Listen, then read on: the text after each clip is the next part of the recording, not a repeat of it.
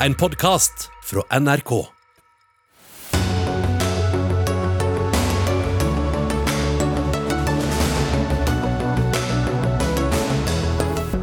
Regjeringen lover storstilt havvindindustri. Venstre synes det går altfor sakte, ettersom målet først skal nås når statsminister Jonas Gahr Støre fyller 80 år. Høyretopp vil at regjeringen oppretter svartelister for selskaper med dårlig kjønnsbalanse. Hvor ble det av det Høyre vi kjente, spør Frp. Vi vil fort fram med bilen, og det skal bygges veier i stor stil. Men naturen vi ødelegger er ikke en del av regnestykket. Nå krever Naturvernforbundet endring. Og Troms og Finnmark fylkeskommune gir skolesekker med regnbuemønster på til førsteklassingene. De skal ikke våre barn gå med, sier flere KrF-politikere. Det er blant sakene i dagens Dagsnytt 18 ved Sigrid Solund.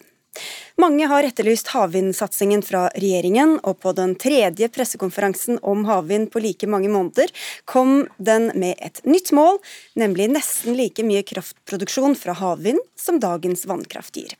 Innen 2040 skal 1500 havvindmøller omtrent produsere 30 gigawatt-timer. Olje- og energiminister Terje Aasland, nå skjer det altså saker og ting, men dere lyser ikke ut noen konsesjoner før i 2025. Hvorfor trenger dere tre år på å gjøre det? Nei, Vi kommer til å lyse ut konsesjoner før 2025. Vi er godt i gang med Sørlige Nordsjøen. Eh, utbyggingen der, altså tilretteleggingen der, og Utsira nord. Eh, jo, men De er jo viktige også i, i, dette bildet. Og så har vi sagt at i 2025 så kommer vi med en omfattende tildeling, hvor formålet vårt er å bidra til skalering og teknologiutvikling og industrialisering. Og Det er fordi at havvind også skal bli billigere. Så dette er en stor og viktig merkedag. Det er som Øyvind Eriksen i Aker sa, konserndirektøren der, han sa at dette er en merkedag for energi- og havnasjonen Norge og norsk leverandørindustri. Kanskje like viktig som offentliggjøringen av oljefunnet på Ekofisk lille 1969. Og Det setter inn i et viktig perspektiv. Fordi dette handler om å utvikle de mulighetene vi har i Norge og vi har eh, tre pressekonferanser, ja, men det har vært tre veldig viktige pressekonferanser nettopp for å underbygge havvindspotensialet i tida framover. Men hvorfor trenger dere tre år på den, selve denne satsinga?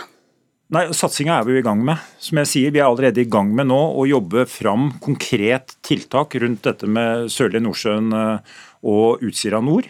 Vi jobber nå hver dag for å få ned konsesjonsbehandlingstida, sånn at vi kan få realisert dette raskt. Og eh, vi kommer med en omfattende uh, utlysning i 2025. Ja, det så vi er veldig, det er tre år fram i tid. ja, så det er, det er veldig ambisiøst. Og dette kommer til å bety veldig mye i en tid hvor vi ser at resultatene etter oljeskattepakka, hvor aktiviteten med norske verft og norske bedrifter går ned, så vil vi kunne fase inn havvind. Så dette gir oss nye, fantastiske muligheter. Men dette tempoet fikk dere mange spørsmål om eh, i dag, bl.a. fra deg, Sveinung Rotevatn, nestleder i Venstre og sitter på Stortinget for det samme partiet. Du er ikke så imponert over framgangen her? Nei, jeg er ikke det. fordi Nå har det vært tre pressekonferanser på tre måneder, og det har i grunnen ikke skjedd noe nytt. Satsinga har ikke blitt noe større. Det eneste som har blitt større gang for gang, det er orda regjeringa bruker. I dag kom det én nyhet, og det var at regjeringa setter seg som mål at eh, omtrent når Jonas Gahr Støre fyller 80 år, da skal vi være i gang med ei ordentlig havvindsatsing. Altså i 2040. Men det, det, er fint med mål, men det er ingen som lurer på det. Det folk lurer på er hvordan skal det skje? Hvordan skal du få lønnsomhet i utbyggingene? Og Der vet vi jo litt om hvordan regjeringa tenker. Fordi de har sagt at nå setter vi i gang med ei utbygging, nemlig Sørlige Nordsjø 2, som statsråden snakker om. Og det de har sagt om den, er at de skal ikke få lov til å selge strømmen sin til noen andre enn til Norge. Det det medførte, var en halvering av utbygginga, og at de sannsynligvis må subsidiere den pga. Senterpartiet sin gjennomslag i regjeringa. Det her kommer ikke til å utløse en stor satsing. Men vi har jo sett hvor mye støy det har blitt med vindkraft eh, på land, både fra nærmiljø, for eh, reindrift, eh, for naturinngrep. Hvorfor skal man ikke ta god tid, utrede, så man slipper å få den slags type bråk da, når den storstilte satsinga kommer? Jeg er helt enig at du skal utrede ordentlig bl.a. konsekvenser for fiskeriforvaltning og naturressurser når du bygger ut. Eh, og Det stoler jeg faktisk på at regjeringa kommer til å gjøre, men det er jo ikke det som er problemet. Det er jo ikke det som gjør at en halverer utbyggingstempoet på Sørlige Nordsjø 2. Det gjør en fordi en ikke vil la dem selge krafta til dit du kan få best betalt, nemlig til andre land. Og når du ikke kan det, så er ikke det lønnsomhet i det på samme måte, og dermed bremser utbygginga. Okay, for det du snakker om disse kablene, som Arbeiderpartiet og Senterpartiet er uenige om, hvorvidt man skal kunne selge det til utlandet Vestlandet eller ikke. Det er kanskje ikke helt tilfeldig da, at det er først eh, etter neste stortingsvalg at dette skal i gang, eller Aasland? Nei, var, altså, vi jobber så raskt som overhodet mulig. og Det som er veldig synd, det er jo at den regjeringen Rotevatn var en del av, de hadde ikke én eneste pressekonferanse når det gjelder havvind. Dere vinner på pressekonferanser, det kan vi være enige om. Nei, det er fordi at vi har noe å meddele som er viktig for en veldig viktig industridel i Norge og utviklingen av, av Norge. Når det gjelder disse to eh, kablene som ligger i Sørlige Nordsjøen og Utsira nord, som skal gå til land, så er dette sårt tiltrengt kraft vi trenger i Norge. Og så skal vi utvikle dette i fortsettelsen med ulike løsninger. Noe, mye skal ut av Norge, noe skal inn i Norge, og vi skal også ha eh, løsninger hvor, hvor, kraften kan eh, flyte begge veier. Det er viktig for å få skal vi si, tydeligheten rundt den ambisjonen på 30 000 megawatt som vi har lansert i dag. Men problemet er at regjeringa sier i dag at ja, det kan hende at en kanskje skal ha hybridkabler en gang i framtida. Altså at du også skal kunne selge søm til utlandet, ikke bare til Norge, for å få lønnsomhet i dette her.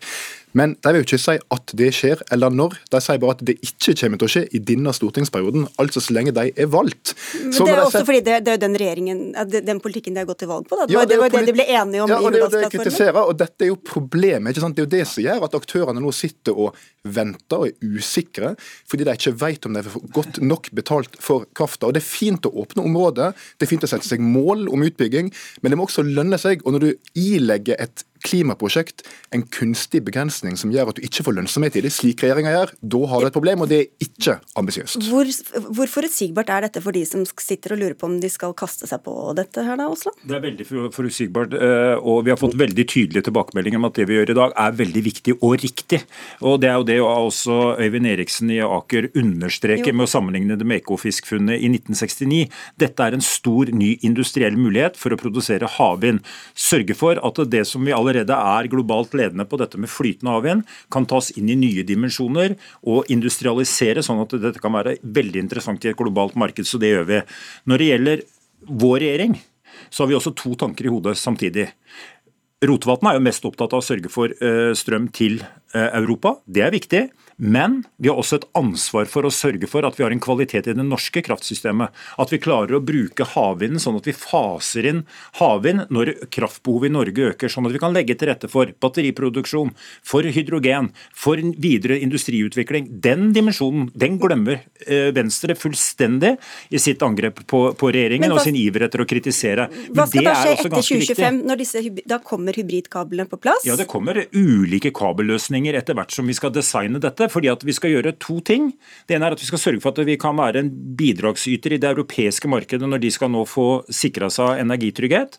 Det andre er at vi ønsker også å bruke havvind til å understøtte norsk industriutvikling fast, på fastlandet, samtidig som vi også har sagt at dette også er en stor og viktig mulighet som vi ønsker å bruke når det gjelder elektrifiseringen av norsk sokkel. Så dette er viktige, store temaer. og de angrepene som Rotevatn kommer med, det bare viser veldig tydelig at en ikke klarer å se helheten og perspektivet på okay, det som vi holder på med. De har bedt om et bredt forlik. Hva skal til for at dere kan gå med på det regjeringa har lagt fram nå? Det er at en får lov til å ikke bare selge strøm til Norge, jeg er for det, men at du også kobler deg på det europeiske nettet. Og at du ikke venter til en eller annen gang etter 2025 med å gjøre det, og at du ikke venter til en eller annen gang når Jonas Gahr Støre fyller 80 år med innført ambisjon.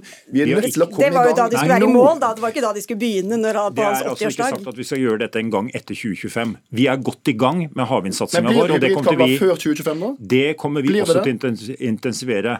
Det jeg har håp om, det er at det skal stå havvind og produsere på norsk sokkel i god tid for 2030, og at vi i 2025 skal ha en omfattende tildeling som gjør at vi kan industrialisere ikke minst minst flytende okay. havvind som en ny, stor industridimensjon for norsk leverandørindustri. Dere, Magnus Takvam, hvis jeg tror ordet til deg, du er politisk kommentator. Forklar dette med disse hybridkablene. Har det skjedd en snuoperasjon her, eller hva er det vi ser? Ja, altså Det som ble sagt i dag, var at man eh, åpner for det. Eh, men at det skal vurderes i hvert enkelt tilfelle, eller hver, hver enkelt eh, konsesjon, sånn som jeg forsto det. Og da er liksom innmaten eller premissene for den, den, analysen om hvordan dette påvirker den norske kraftbalansen. Og så er det behov for mer kraft i Norge, så er det noe som vektes inn hvordan vil det påvirke eh, prisnivået på kraft i Norge osv. Slik at eh, det blir dermed en slags type omkamp eller diskusjon eh, ved hvert enkelt prosjekt. Men det regjeringen eller regjeringspartiene har sagt i dag, er at hvis man forutsetter en utbygging på 30 gigawatt, som jo eh, nesten er 70-80 av det som produseres av strøm i Norge i dag, enorme dimensjoner hvis, hvis man får det til, så kan man ikke eh, la alt det gå inn i det norske kraftmarkedet. Så, så dermed så, så, må man, og, og, har man da åpnet for det, men det er uklart hvor raskt eh, det skal skje. Og dette skal jo, kommer jo til å koste masse penger, og det skal jo helst skje uten subsidier. Men blir det lønnsomt å satse for næringa? Altså jeg må si at jeg, jeg syns det er vanskelig å kommentere den eh, presentasjonen som kom i dag, fordi den er såpass lite konkret i analysen av bl.a. Eh, det økonomiske potensialet og sånn. Og det er kanskje det er forståelig. Eh, men det er enorme krav eller enorme dimensjoner på, på dette som man, man, eh, setter seg, nemlig at det både skal eh, redde den norske kraftbalansen, det skal være en industriell revolusjon, så å si, det skal føre til en vekst i norsk industri som skal overta etter oljeindustriarbeidsplassene eh, der. Og det skal hjelpe Europa til deres kraftbalanse. Så med så store ambisjoner, så skulle jeg gjerne sett eh, Da henger veldig mye på det. Og er det lønnsomt eller ikke? Eh, er forholdet til andre næringer i havområdene, som fiskerien og sånn, godt nok utredet? Det er kritikere jeg har snakket med som mener at man både overvurderer det kommersielle potensialet og konflikten med f.eks. fiskeriene. Eh, og den debatten kommer eh, etter hvert når det blir mer innhold og eh, kartlegging av, av dette. Ja, Også når det gjelder sjøfugl og verneområder osv., som vi ikke har hørt så mye om i dag. Nei, det er også en del av det hele. Men det er klart at eh, bakteppet her, sånn som jeg ser det Jeg kan mer om politikk enn en ingeniørkunst om, om kraftmarkedet og, og, og, sånn. Så er det klart at det har oppstått et press mot regjeringen om å være mer konkret i sine ambisjoner. Og det er eh, til debatt i Stortinget en prosess rundt eh, energimeldingen der de risikerte at flertallet ville skal vi si, presse dem og være først ute. Så det er litt, litt eh, den dimensjonen må man også ha med seg. Kanskje det kommer en ny pressekonferanse i juni da, Terje Aasland? Det kan godt tenkes, for det er viktige skritt som skal tas også i fortsettelsen, og det har vi fullt tempo på. Takk skal du ha, og takk til Sveinung Rotevatn og til vår egen Magnus Takvam.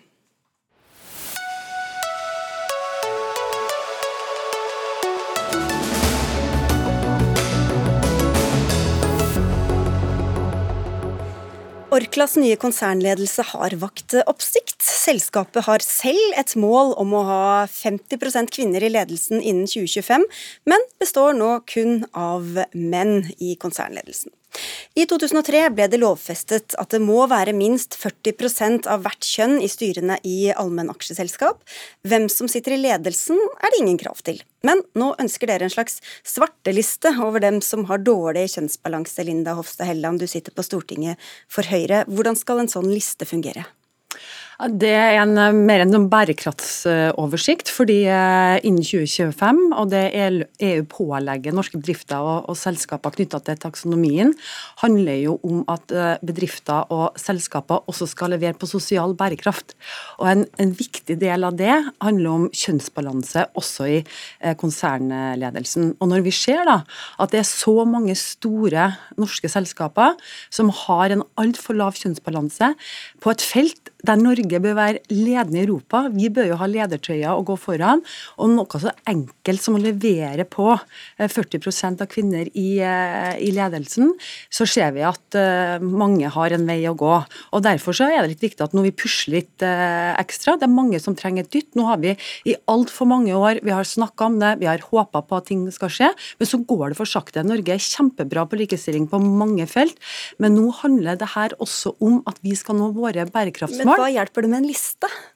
Det handler om at å komme på den lista, det tror jeg ikke er noe spesielt godt for omdømmet til noen av de eh, selskapene. Og så handler det også om at eh, aksjonærer, ikke minst også dem som ønsker å investere i disse selskapene, og at vi som forbrukere er klar over at det er noen selskaper som eh, åpenbart ikke prioriterer sosial bærekraft, kjønnsbalanse, like stor grad som andre, og det vil nok eh, også ha stor betydning.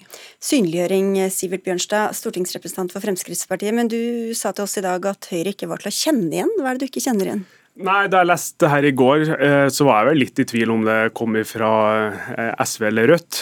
Og Så leste jeg litt lenger ned i saken, og så så jeg at det var fra, var fra Høyre. Tidligere så har jo vi og Høyre vært enige om at det må være noen grenser for politikk. Men det mener jeg at Høyre har forlatt litt med det her, med det her utspillet. For én ting er hva vi som forbrukere og aksjonærer gjør, sånn som Helleland sier. Det er veldig bra at Helland eller alle andre eh, tar opplyste, selvstendige valg som forbrukere. Eh, det er fritt frem å velge å handle fra en bedrift eller ikke handle fra en bedrift. Det er det opp til den hver enkelte å gjøre. Men i Norge så i hvert fall vi som politikere, da, vi regulerer gjennom lover, forskrifter og regler, ikke moralske pekefingre. Det har vært mye ryddigere hvis Høyre hadde sagt uh, vi innfører en lov som har 40% i ledelsen. Dere har da ganske mye politikk som ikke bare handler om lov? Nei, jeg mener at vi som politikere i utgangspunktet bør holde oss til lover, regler og forskrifter, og ikke drive med den type moralske pekefingre. For det er akkurat det det her er. Det er en moralsk pekefinger. Og når, når Helleland nevner EU og taksonomien, så er det jo ikke sånn at EU pålegger de her bedriftene Taksonomien er et litt vanskelig, ja, men det handler om hvordan man skal kategorisere og ja, måle forskjellig, men, men, men, poenget er at ja. EU pålegger ikke norske bedrifter å ha 40% kvinner i ledelsen. Det er ikke noe krav fra EU. Okay. Hvordan rimer dette med Høyres politikk å legge seg opp i private selskaper på den måten? Bjørnstad, vi var i Brussel i forrige uke, og der vi hadde flere møter eh, med kommisjonen, og de forteller nå hvordan eh, bedrifter skal rapportere på det her såkalte ESG-målene som teknologien krever innen 2025.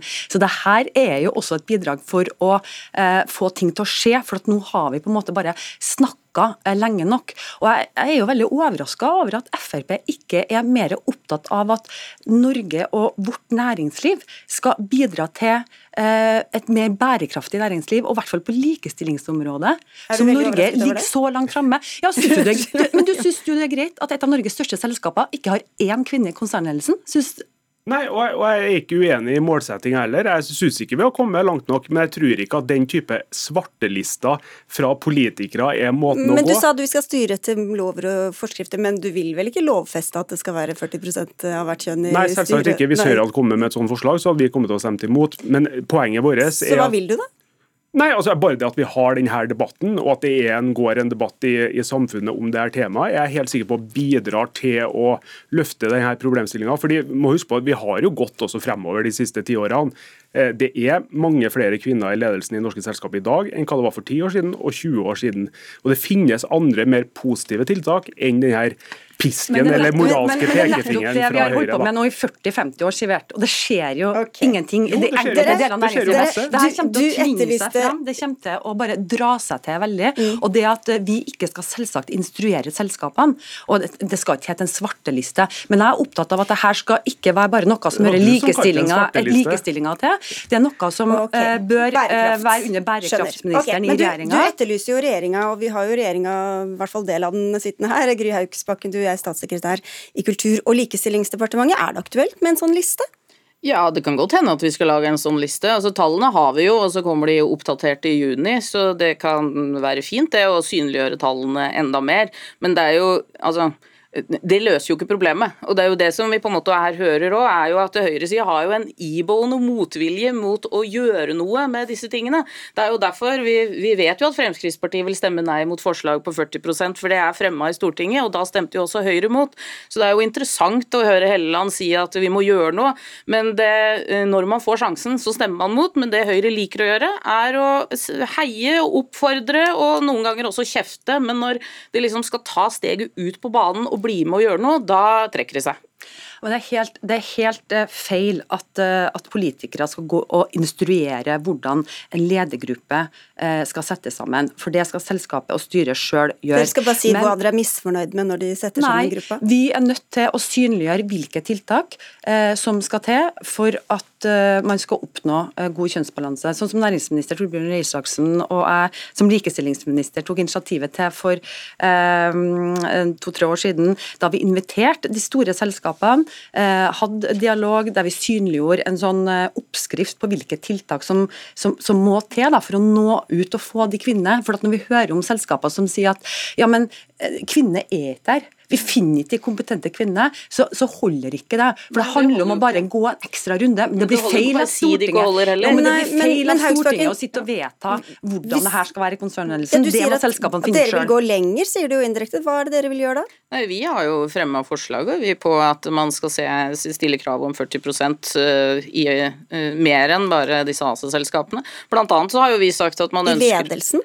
Eh, ja, I våre forslag Arbeiderpartiet foreslo det på Stortinget, at der det var statlig eierskap, eh, at vi skulle gå inn og se både da innenfor at man skulle ha målsetting om at det skulle være 40% kvinnelige ledere, eh, også på tvers av de statlige selskapene. Men Det ønska jo ikke de andre, men de ønska jo å ha dialog, og vi ser jo tallene. da. Det er jo Blant de 200 største så er det jo da 14% av de øverste lederne som er kvinner. så man kan jo fortsette å snakke med hvis man vil ha noe til å skje, så må man jo gjøre noe. Derfor skal vi ta det opp i eierstyringa og den styringsdialogen som vi har nå. Men skal dere da lovfeste for uh, statlige selskaper at de skal ha en eier, altså blant lederne, 40% kvinner? Nå jobber jo vi med eierskapspolitikken nå, så den, eh, det som i hvert fall skal være helt tydelig der, er at likestillinga skal stå i første rekke, og at det skal være en del av liksom, dialogen og kravene som settes til styret. Du kritiserte Høyre for å ha dialog, og så, og så går dere inn for dialog selv? Og så skal vi der, eh, skal, Nei, altså krav til likestillingsresultater der, men når man ender opp i aller første svingen på at regjeringa foreslår at det skal være krav om 40 eh, det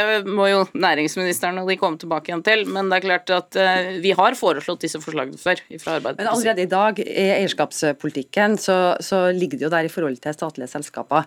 Eh, det har jo ikke gått så bra i åtte år, da. Nei, det har ikke det. Og, og derfor så er det nettopp eh, det å synliggjøre eh, hvilke eh, selskaper som vi ser jobber for det og klarer det, hvem som ikke klarer det, Men, og hvem da som Helleland. også utsetter seg for en omdømmerisiko. Men den lista fins jo allerede. Core har jo et topplederbarometer som publiseres annethvert år, og der lister opp selskaper som har bra kjønnsbalanse, og de som ikke har det. Hvorfor trenger man enda en liste som kartlegger akkurat akkurat det samme.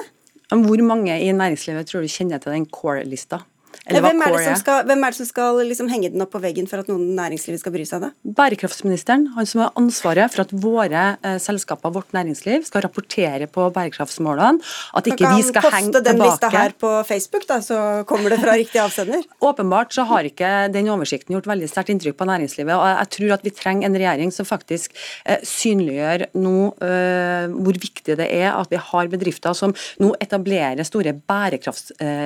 Eh, eh, avdelinga for at de skal klare å rapportere på det her. Da må det enkleste i verden for Norge være, og vårt næringsliv, å oppnå en god kjønnsbalanse. Jeg må bare si også at Vi har invitert Orkla, de ønsket ikke å stille, men til slutt her, Sivert Bjørnstad, du sa jo også at du ønsker eh, bedre likestilling i, eh, blant toppsjiktet. Hvordan skal dere få til det med deres positive virkemidler? Jo, men Det har jeg jo allerede nevnt. Bare det at vi har denne debatten, gjør at, at, det, at det, kommer på dagsordenen også blant de bedriftene. Jeg er helt sikker på at har debattert det i 30 år. Ja, og det har jo gått fremover. Det går jo fremover år etter år, men jeg har ikke noe tro verken på, verken på Kors i liste eller Hellelands i svarte liste. Jeg tror ikke det er det som hjelper. De, de her bedriftene har nettsider. Du kan gå inn og se hvem er som sitter i ledelsen, og så kan vi som forbrukere ta opplyste valg og gå i butikken og handle de varene vi ønsker sjøl. Stemmer er... forslagene som vil føre oss bakover i stedet for fremover. Dere, vi sier tusen takk i denne runden til Sivert Bjørnstad fra Frp, til Linda Hofstad Helleland fra Høyre og Gry Haugsbakken fra Arbeiderpartiet.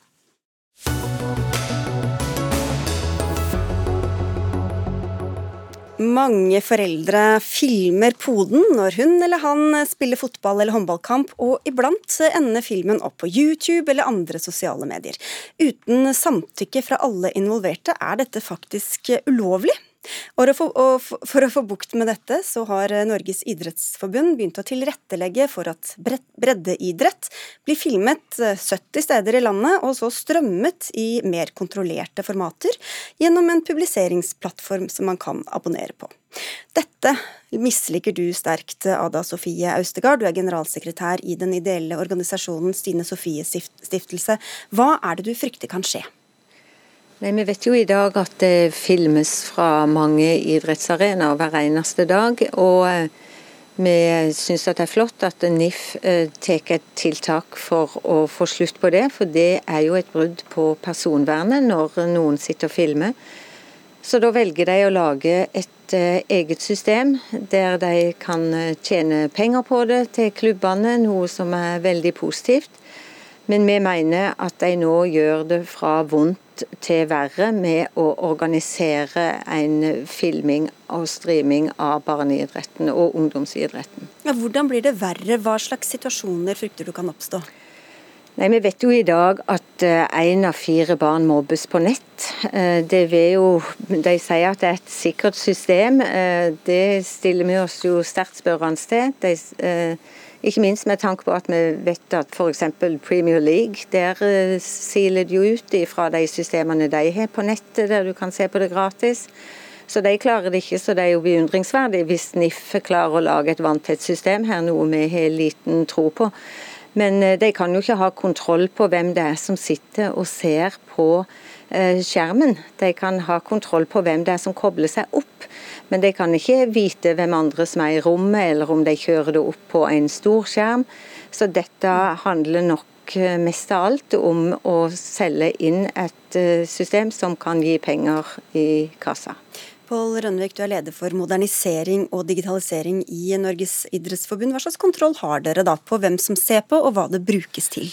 Nei, for det første, Vår motivasjon med dette er den samme som eh, stiftelsen fremfører. Eh, vi ønsker å få dette inn i kontrollerte former. Eh, og gjennom det samarbeidet som Særforbundet har inngått med MyGame, som det siktes til i dette tilfellet, så har vi fått på plass en en eh, løsning som er bak en betalingsmur, som krever en bruker. Eh, det mener vi er en bedre løsning enn en del av de Men som dere aner jo ikke hvem det er og hva, man, om, hva slags hensikter man har ved å gå inn f.eks.?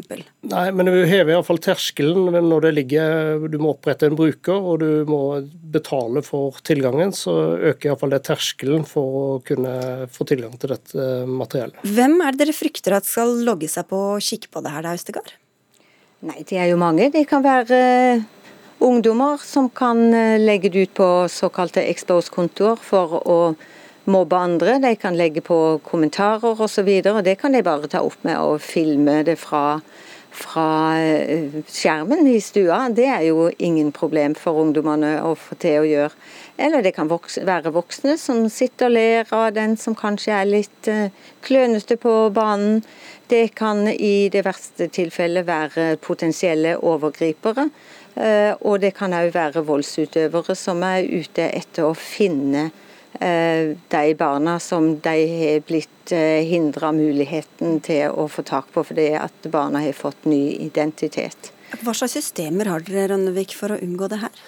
Nei, altså Vi mener jo at den nye løsningen i hvert fall reduserer risikoen for det. Dag... Er, dere, er, dere, fornøyd med det, at det reduserer risikoen? Ja, vi, vi, tror ikke det er mulig å få risikoen til å bli null, men vi tror vi kan redusere risikoen rundt dette. Og så mener vi også at uh, gjennom økt bevissthet og da fokus på også muligheter for å kunne reservere seg mot denne strømmingen, så har vi ivaretatt rettighetene på en bedre måte enn dagens praksis. Men hvorfor, altså Hvis man ikke klarer å få risikoen til null, hvorfor skal dere ha et sånt system i det hele tatt? Det er en etterspørsel i Idretts-Norge, både fra idrettslag, fra foresatte rundt, eh, rundt utøverne, eh, om å ha den type løsninger på plass.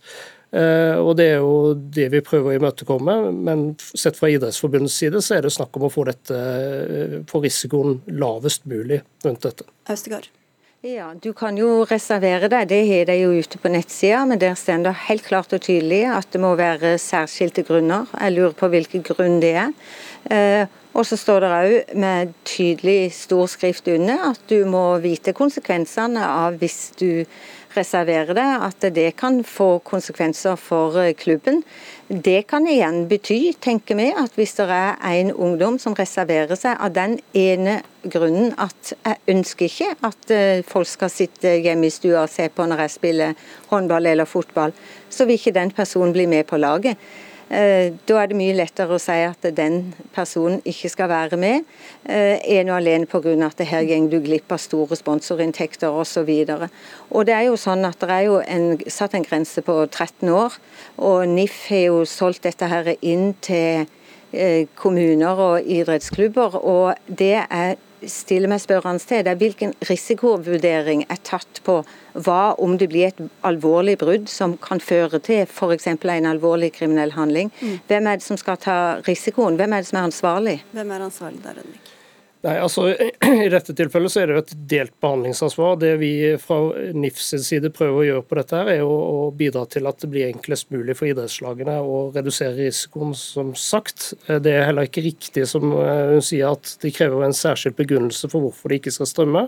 Ja, her har vi lagt opp til at man kan reservere seg uten å oppgi en grunn. Da må dere gjøre den på nettsida. Ja, men... ja, vi har oppdaget eh, at det var en, eh, ved en inkurie lå en feil på nettsiden, men dette styres via min inn idrett, og der er det ikke krav til å oppgi en grunn. Men at det følger penger med, det er helt uh, likegyldig?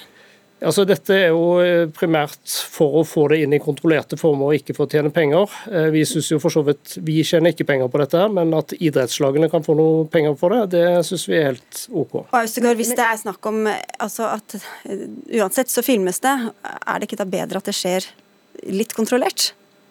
Eh, nei, eh, overhodet ikke. For NIF kunne ha iverksatt mange tiltak. De kunne ha informert i idrettshallene og til foreldrene med skriv om at de ikke har lov til å filme, at det er ulovlig med tanke på personvernet. Men jeg har ikke sett en eneste sånn plakat i noen idrettsanlegg. Nå er det ikke det at jeg har vært i så mange, men jeg har vært i noen. Eh, så NIF kunne absolutt ha tatt grep her og gjort det mye godt for at barna kan få lov til å drive idrett og lek eh, avslutningskommentar til det, Rønvik? Ja, så For det første så setter vi en grense på 15, ikke 13 år i, nå. Eh, vi okay. skal ut med god informasjon. Ja, eh, Men det var ikke egentlig svar på det hun oppfordret til. Så da var lot ja. den sjansen gå fra deg. Takk skal dere ha, i hvert fall begge to. Pål Rønnevik fra Norges idrettsforbund og Ada Sofie Austegård fra Stine Sofies stiftelse. Takk skal dere ha, begge to.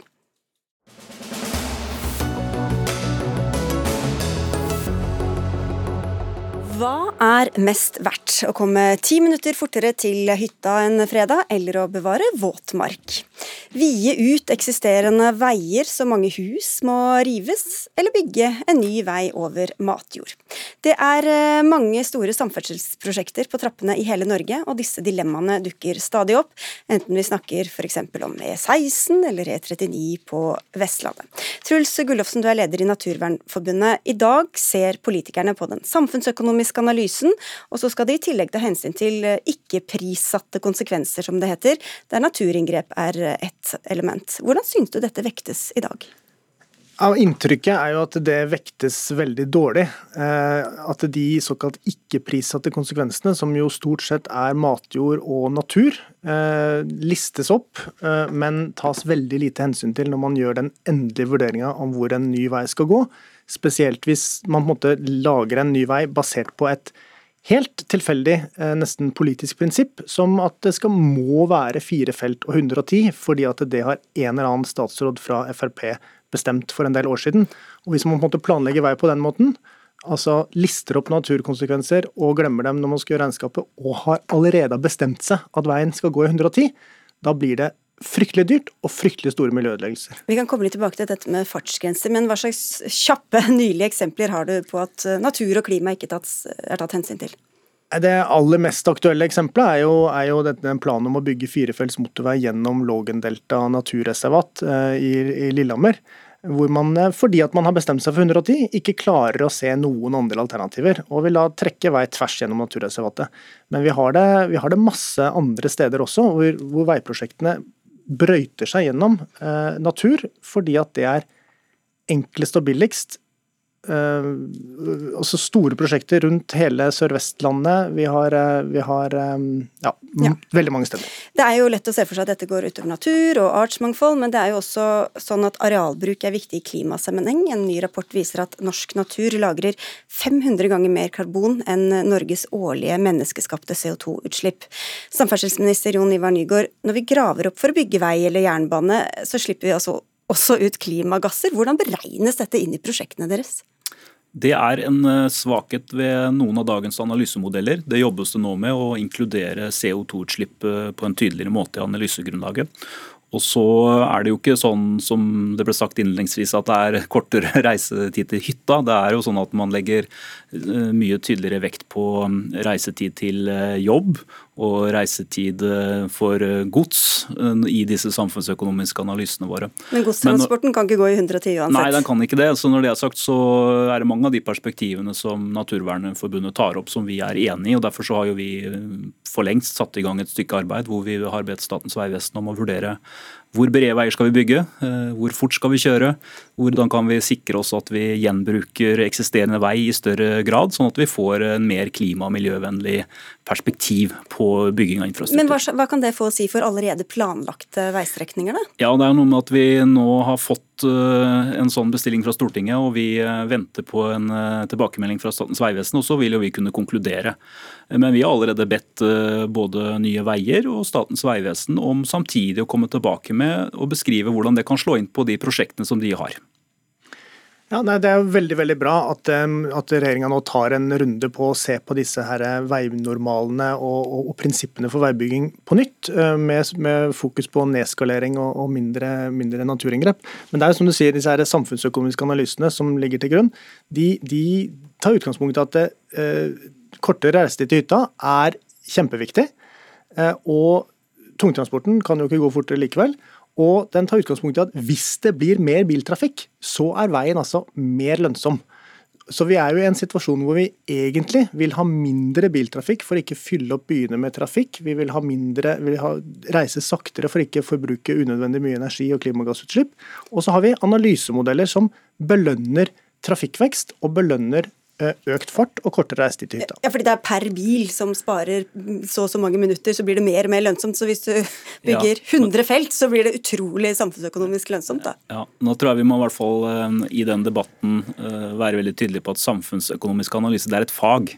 og Det er ikke politikk. Så samfunnsøkonomisk analyse er jo bare én del av grunnlaget for de beslutningene som politiske myndigheter etter hvert tar kan bruke et eksempel på det i den nasjonale transportplanen vi har nå. Hvis det hadde vært samfunnsøkonomisk nytte som bare hadde lagt til grunn, så hadde planen sett helt annerledes ut.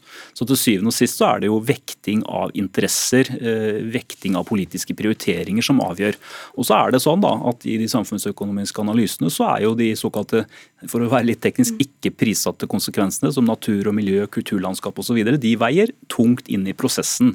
Så det er jo sånn at når man tar en beslutning om å eventuelt bygge en vei eller jernbane, hva det nå er, så er det gjort en helhetlig vurdering. Men jeg er enig i at det er noe å gå på og se på om vi kan spare natur, eh, redusere klimagassutslipp i prosessene, gjenbruke vei, og det er vi nå i gang med. Men når skal det skje, da? Du, vi har en bestilling som betyr at vi får et svar tilbake nå i juni.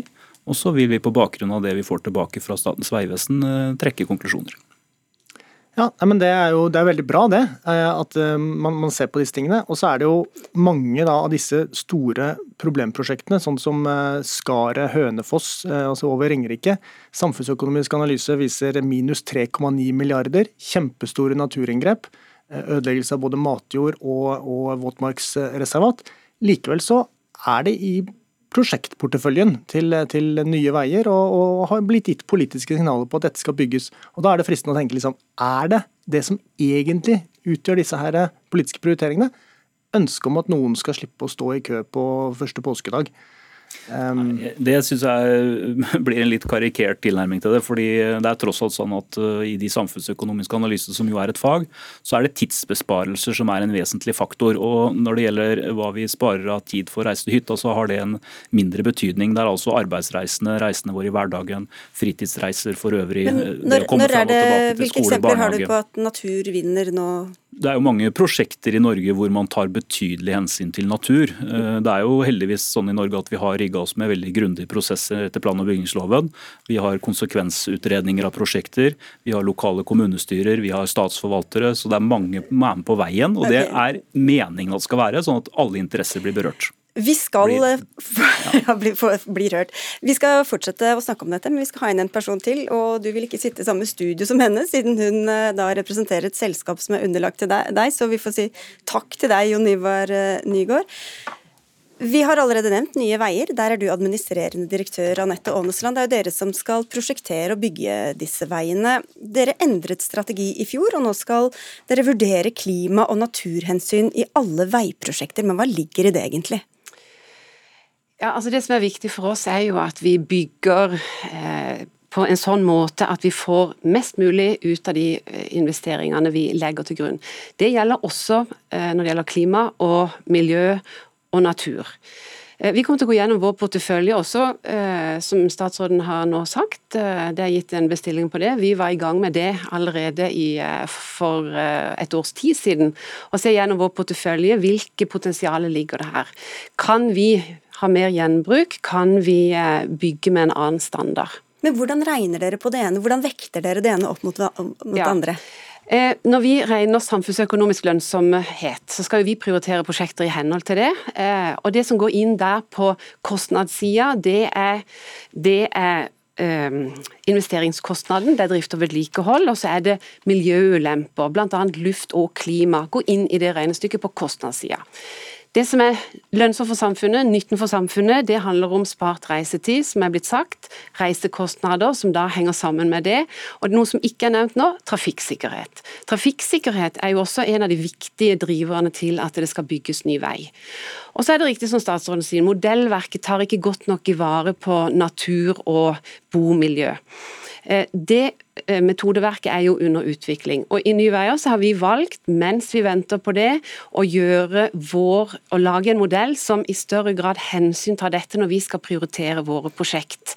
Sannsynliggjøre hvilke kostnader eh, effekten av veien vil ha på f.eks. arealbeslag. Hvordan priser man da f.eks. En, en myr? Ja, enn så lenge så vil ikke dette kunne settes kroner og øre på. og Det er derfor vi har valgt å gjøre dette mer som en sånn trafikklysmodell, hvor hvis det er sånn at og Dessuten, vi har slutta å bygge over myr, men, men, på areal og på, på, andre naturverdier så vil vi kunne gi en sånn trafikklysmodell. Hvor mye må vi f.eks. betale ekstra? Det vil gi en ekstra kostnad å godt ivareta dette, og det får vi frem når vi skal gjøre våre prioriteringer. Men Syns du at det er en god idé å rett og slett sette kroner og øre på en skog eller våtmark eller matjord, Gullofsen?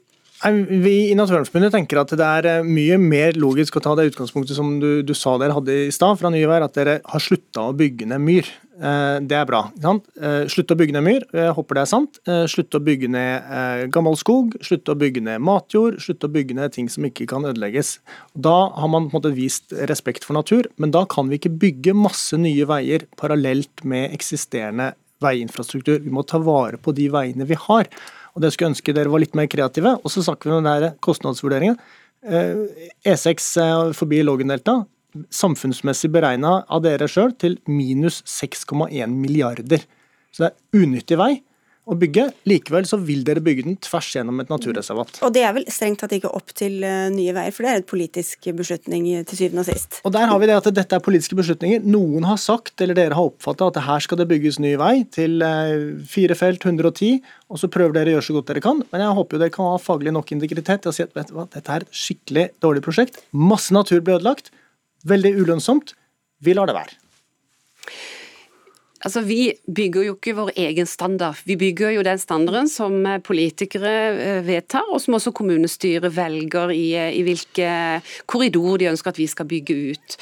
Og så er det jo sånn at Vi ønsker jo denne debatten velkommen. Hvordan kan vi få til å bygge riktig standard? Og Riktig standard det henger jo sammen med topografi, det henger sammen med trafikkmengden, og det henger sammen med ellers hvilke trafikk nok situasjon eh, har vi. Så vi må bygge riktig standard. For det som er dyrt, både på kostnad, miljø og klima, det er jo å bygge feil. Så vi må bygge dobbelt. Og da er det jo sånn at det er mye mer arealkrevende å bygge store motorveier selvfølgelig enn å, å, å flekke eller bre ut eh, gamle veier. Men hvis man brer ut gamle veier, Gullufsen, så må kanskje mange hus jevnes med jorda, for det er der folk bor. Det kan skje, det spørs hvor mye de skal breddes ut. Eh, og der har vi dette. Det er veldig fint at vi nå får diskusjon om er, hvilken veistandard skal det bygges for, til hvilken trafikkmengde. Eh, og, og, For noen år siden så satte regjeringen da ned den trafikkmengden som skulle såkalt utløse firefelt og 110. Eh, så vi, Norge er et av de landene i, i, Europa som har lavest trafikkgrense for å bygge veldig veldig store veier. Så jeg håper at det kan gå opp. Og så Hvis vi da i tillegg slutter å bygge for så veldig høy hastighet, så vil vi ha mye mer plass til å legge en landskapstilpassa vei. Vi må avslutte, men jeg vet at dere jobber med å foreslå en ny standard for 100 km i timen, så det ja, det gjør vi. Vi mener at det er en framtidsretta veistandard hvor du reduserer arealbruket, for bedre miljø resultat, og du får også ned kostnadene og får mer trafikksikker vei for pengene.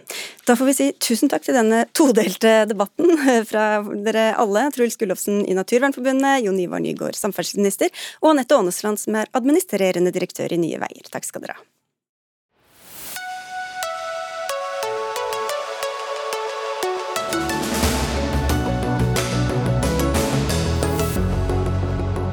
Skolesekk er ikke bare en skolesekk når den er pyntet med en regnbue. I hvert fall er det blitt debatt av at Troms og Finnmark fylkeskommune gir alle høstens førsteklassinger en sekk med bilde av løpende barn og en trekant med en regnbue i.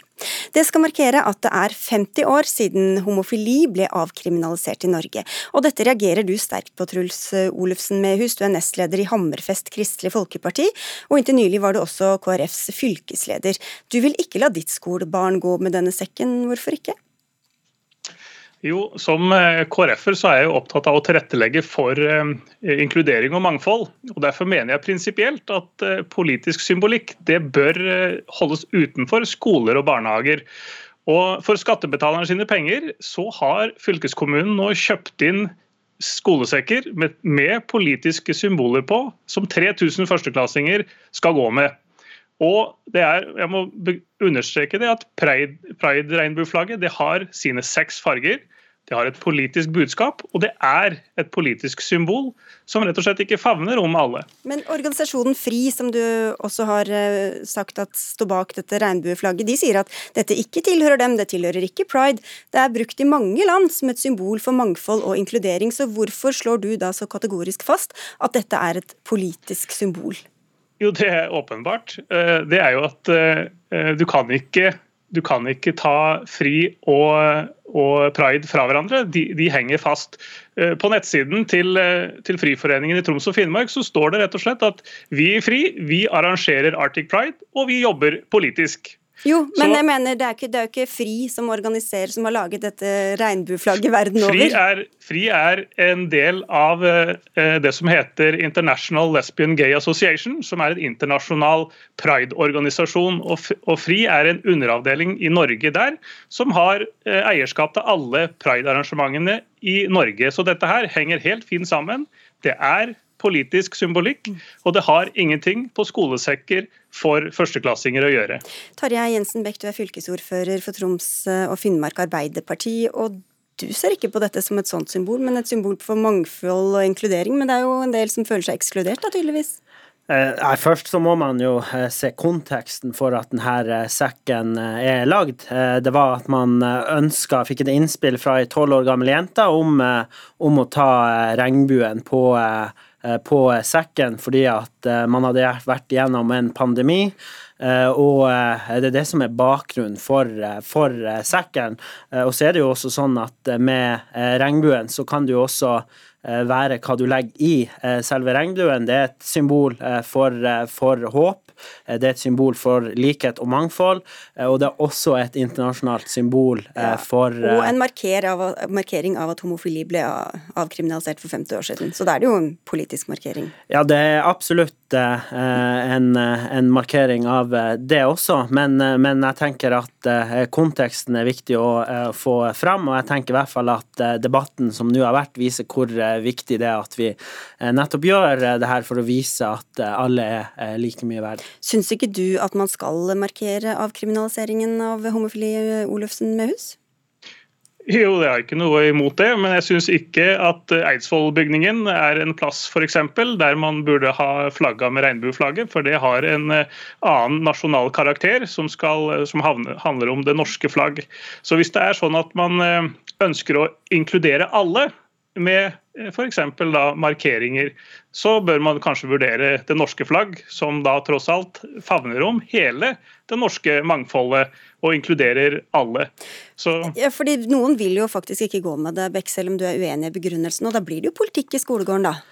Nei, altså jeg tenker jo at det kan man, eh, man kan, eh, kan man legge i eh, regnbuen. Det kan være et symbol for mangfold og inkludering, men regnbuen er også et kristent symbol. Og det kan også ses på som et symbol for tru, kjærlighet og håp.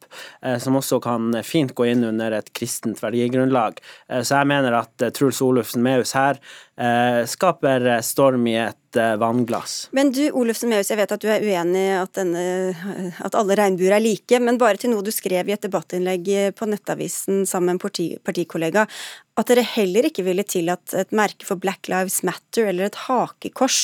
Hvorfor er det naturlig å sammenligne regnbuen og det symbolet da, med et hakekors? Det jeg sammenligner, det er at politiske symboler har ulik betydning for ulike folk. Og For at det skal bli levende, så hadde vi nødt til å bruke flere ulike politiske symboler. Og Beviset er jo at vi har en debatt i dag på at det faktisk er politikk i pride-regnbuen som har sine seks farger, som har et politisk budskap og en politisk agenda som ikke alle er enig i. Og Derfor mener jeg at eh, det er, eh, det er, kritikkverdig at fylkeskommunen da ønsker at alle de 3000 førsteklassingene skal gå med et politisk symbol som ikke favner om alle. Ja, nei, jeg syns at uh, det her er en litt uh, søkt uh, sammenligning.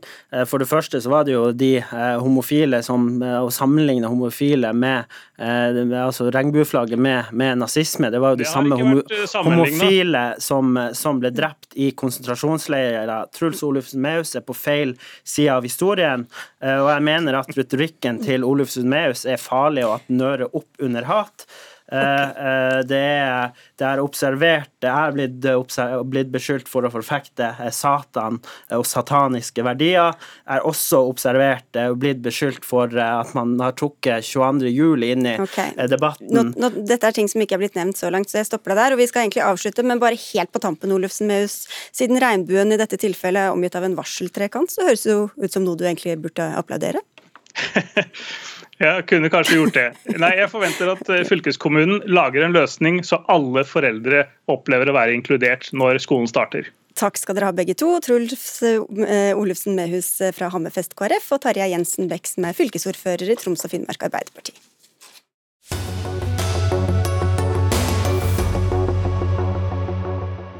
Det har vært dialog mellom Norge og Taliban på embetsmannsnivå etter møtet i Oslo i januar. Det bekreftet utviklingsminister Anne Beate Tvinnereim i dag.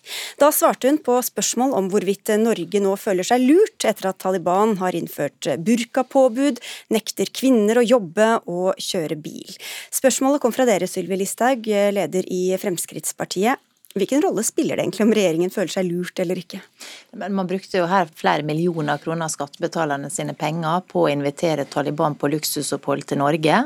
Dette er en terrororganisasjon som tok makta i Afghanistan gjennom et statskupp. Det var sterke reaksjoner i Norge, både blant eh, innbyggere her og ikke minst de som hadde flykta fra Afghanistan, og så nå at man satte seg ned og bidro til å legitimere denne organisasjonen, som står for så mye bestialsk og har gjort gjennom historien. Men regjeringen presiserte jo også at det ikke var noe egentlig innledning på en prosess. At eh, det var snakk om å komme med krav som måtte innfris hvis pengestøtten til, til Afghanistan skulle gjenopptas. Nå følger jo ikke Taliban opp, det kommer ingen penger. Så hva er problemet egentlig? Det er jo det at man, man sa etterpå at det var flotte samtaler, det var positivt. Vi så jo Jan Egeland var ute og sa at det var kommet forpliktende løfte. Nå, og vi sa jo, representerer jo ikke han regjeringen. Nei, men det var også regjeringsrepresentanter som skrytte av dette her. Og jeg tenker sånn at det, vi sa jo allerede den gangen at det, dette er naivt å tro at denne organisasjonen hører på norske myndigheter.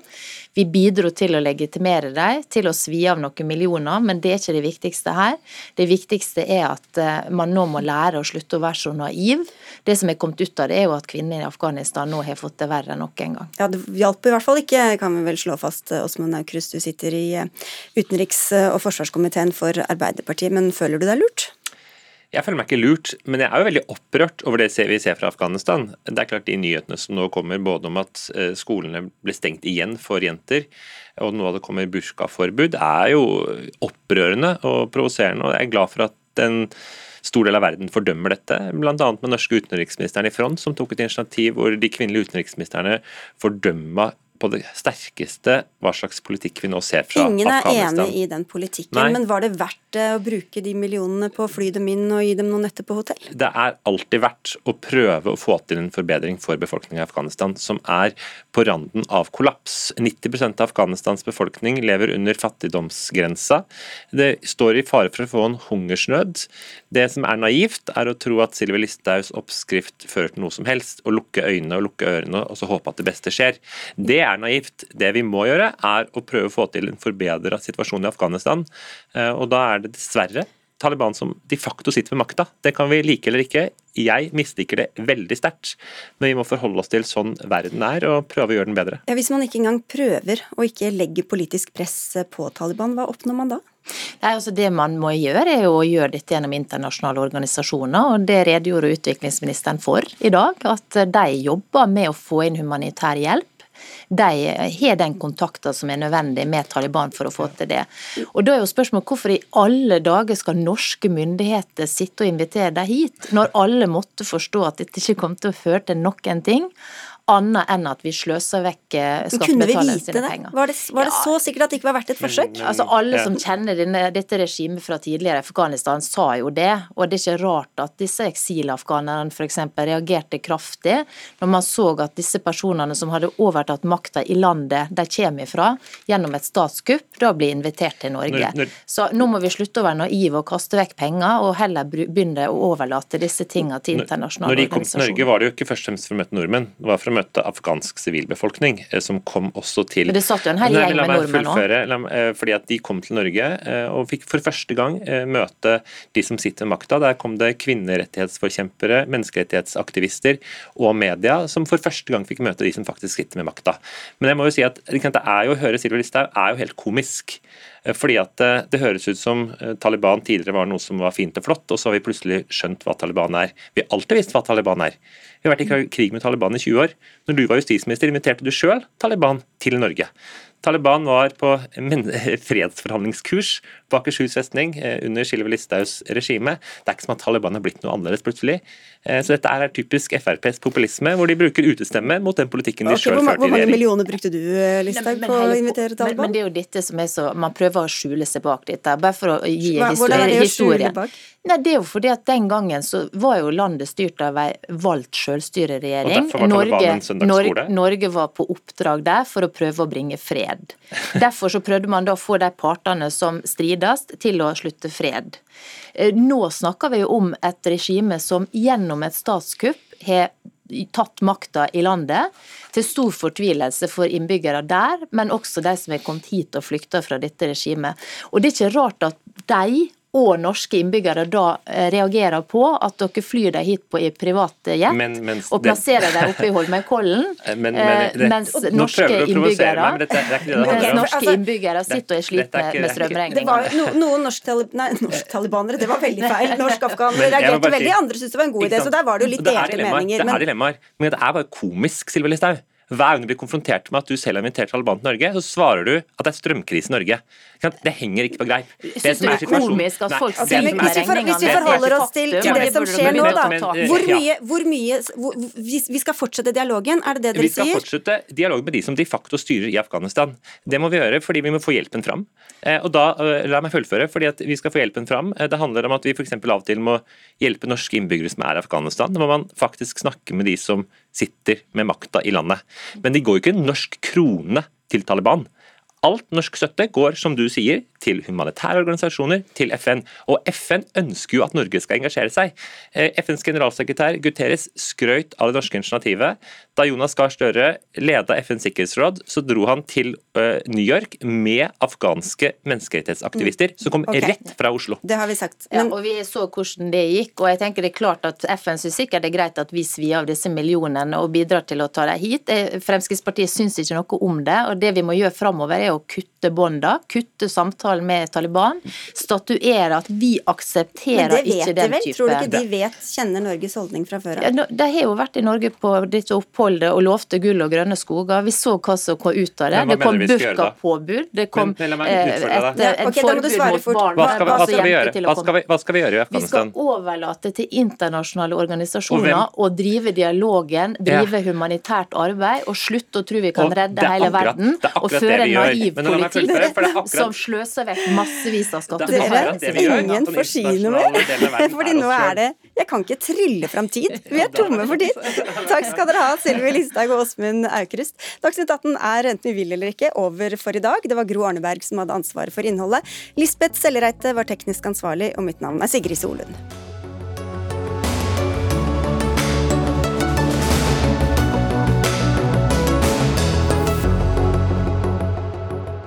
Du har hørt en podkast fra NRK. Hør flere podkaster og din favorittkanal i appen NRK Radio.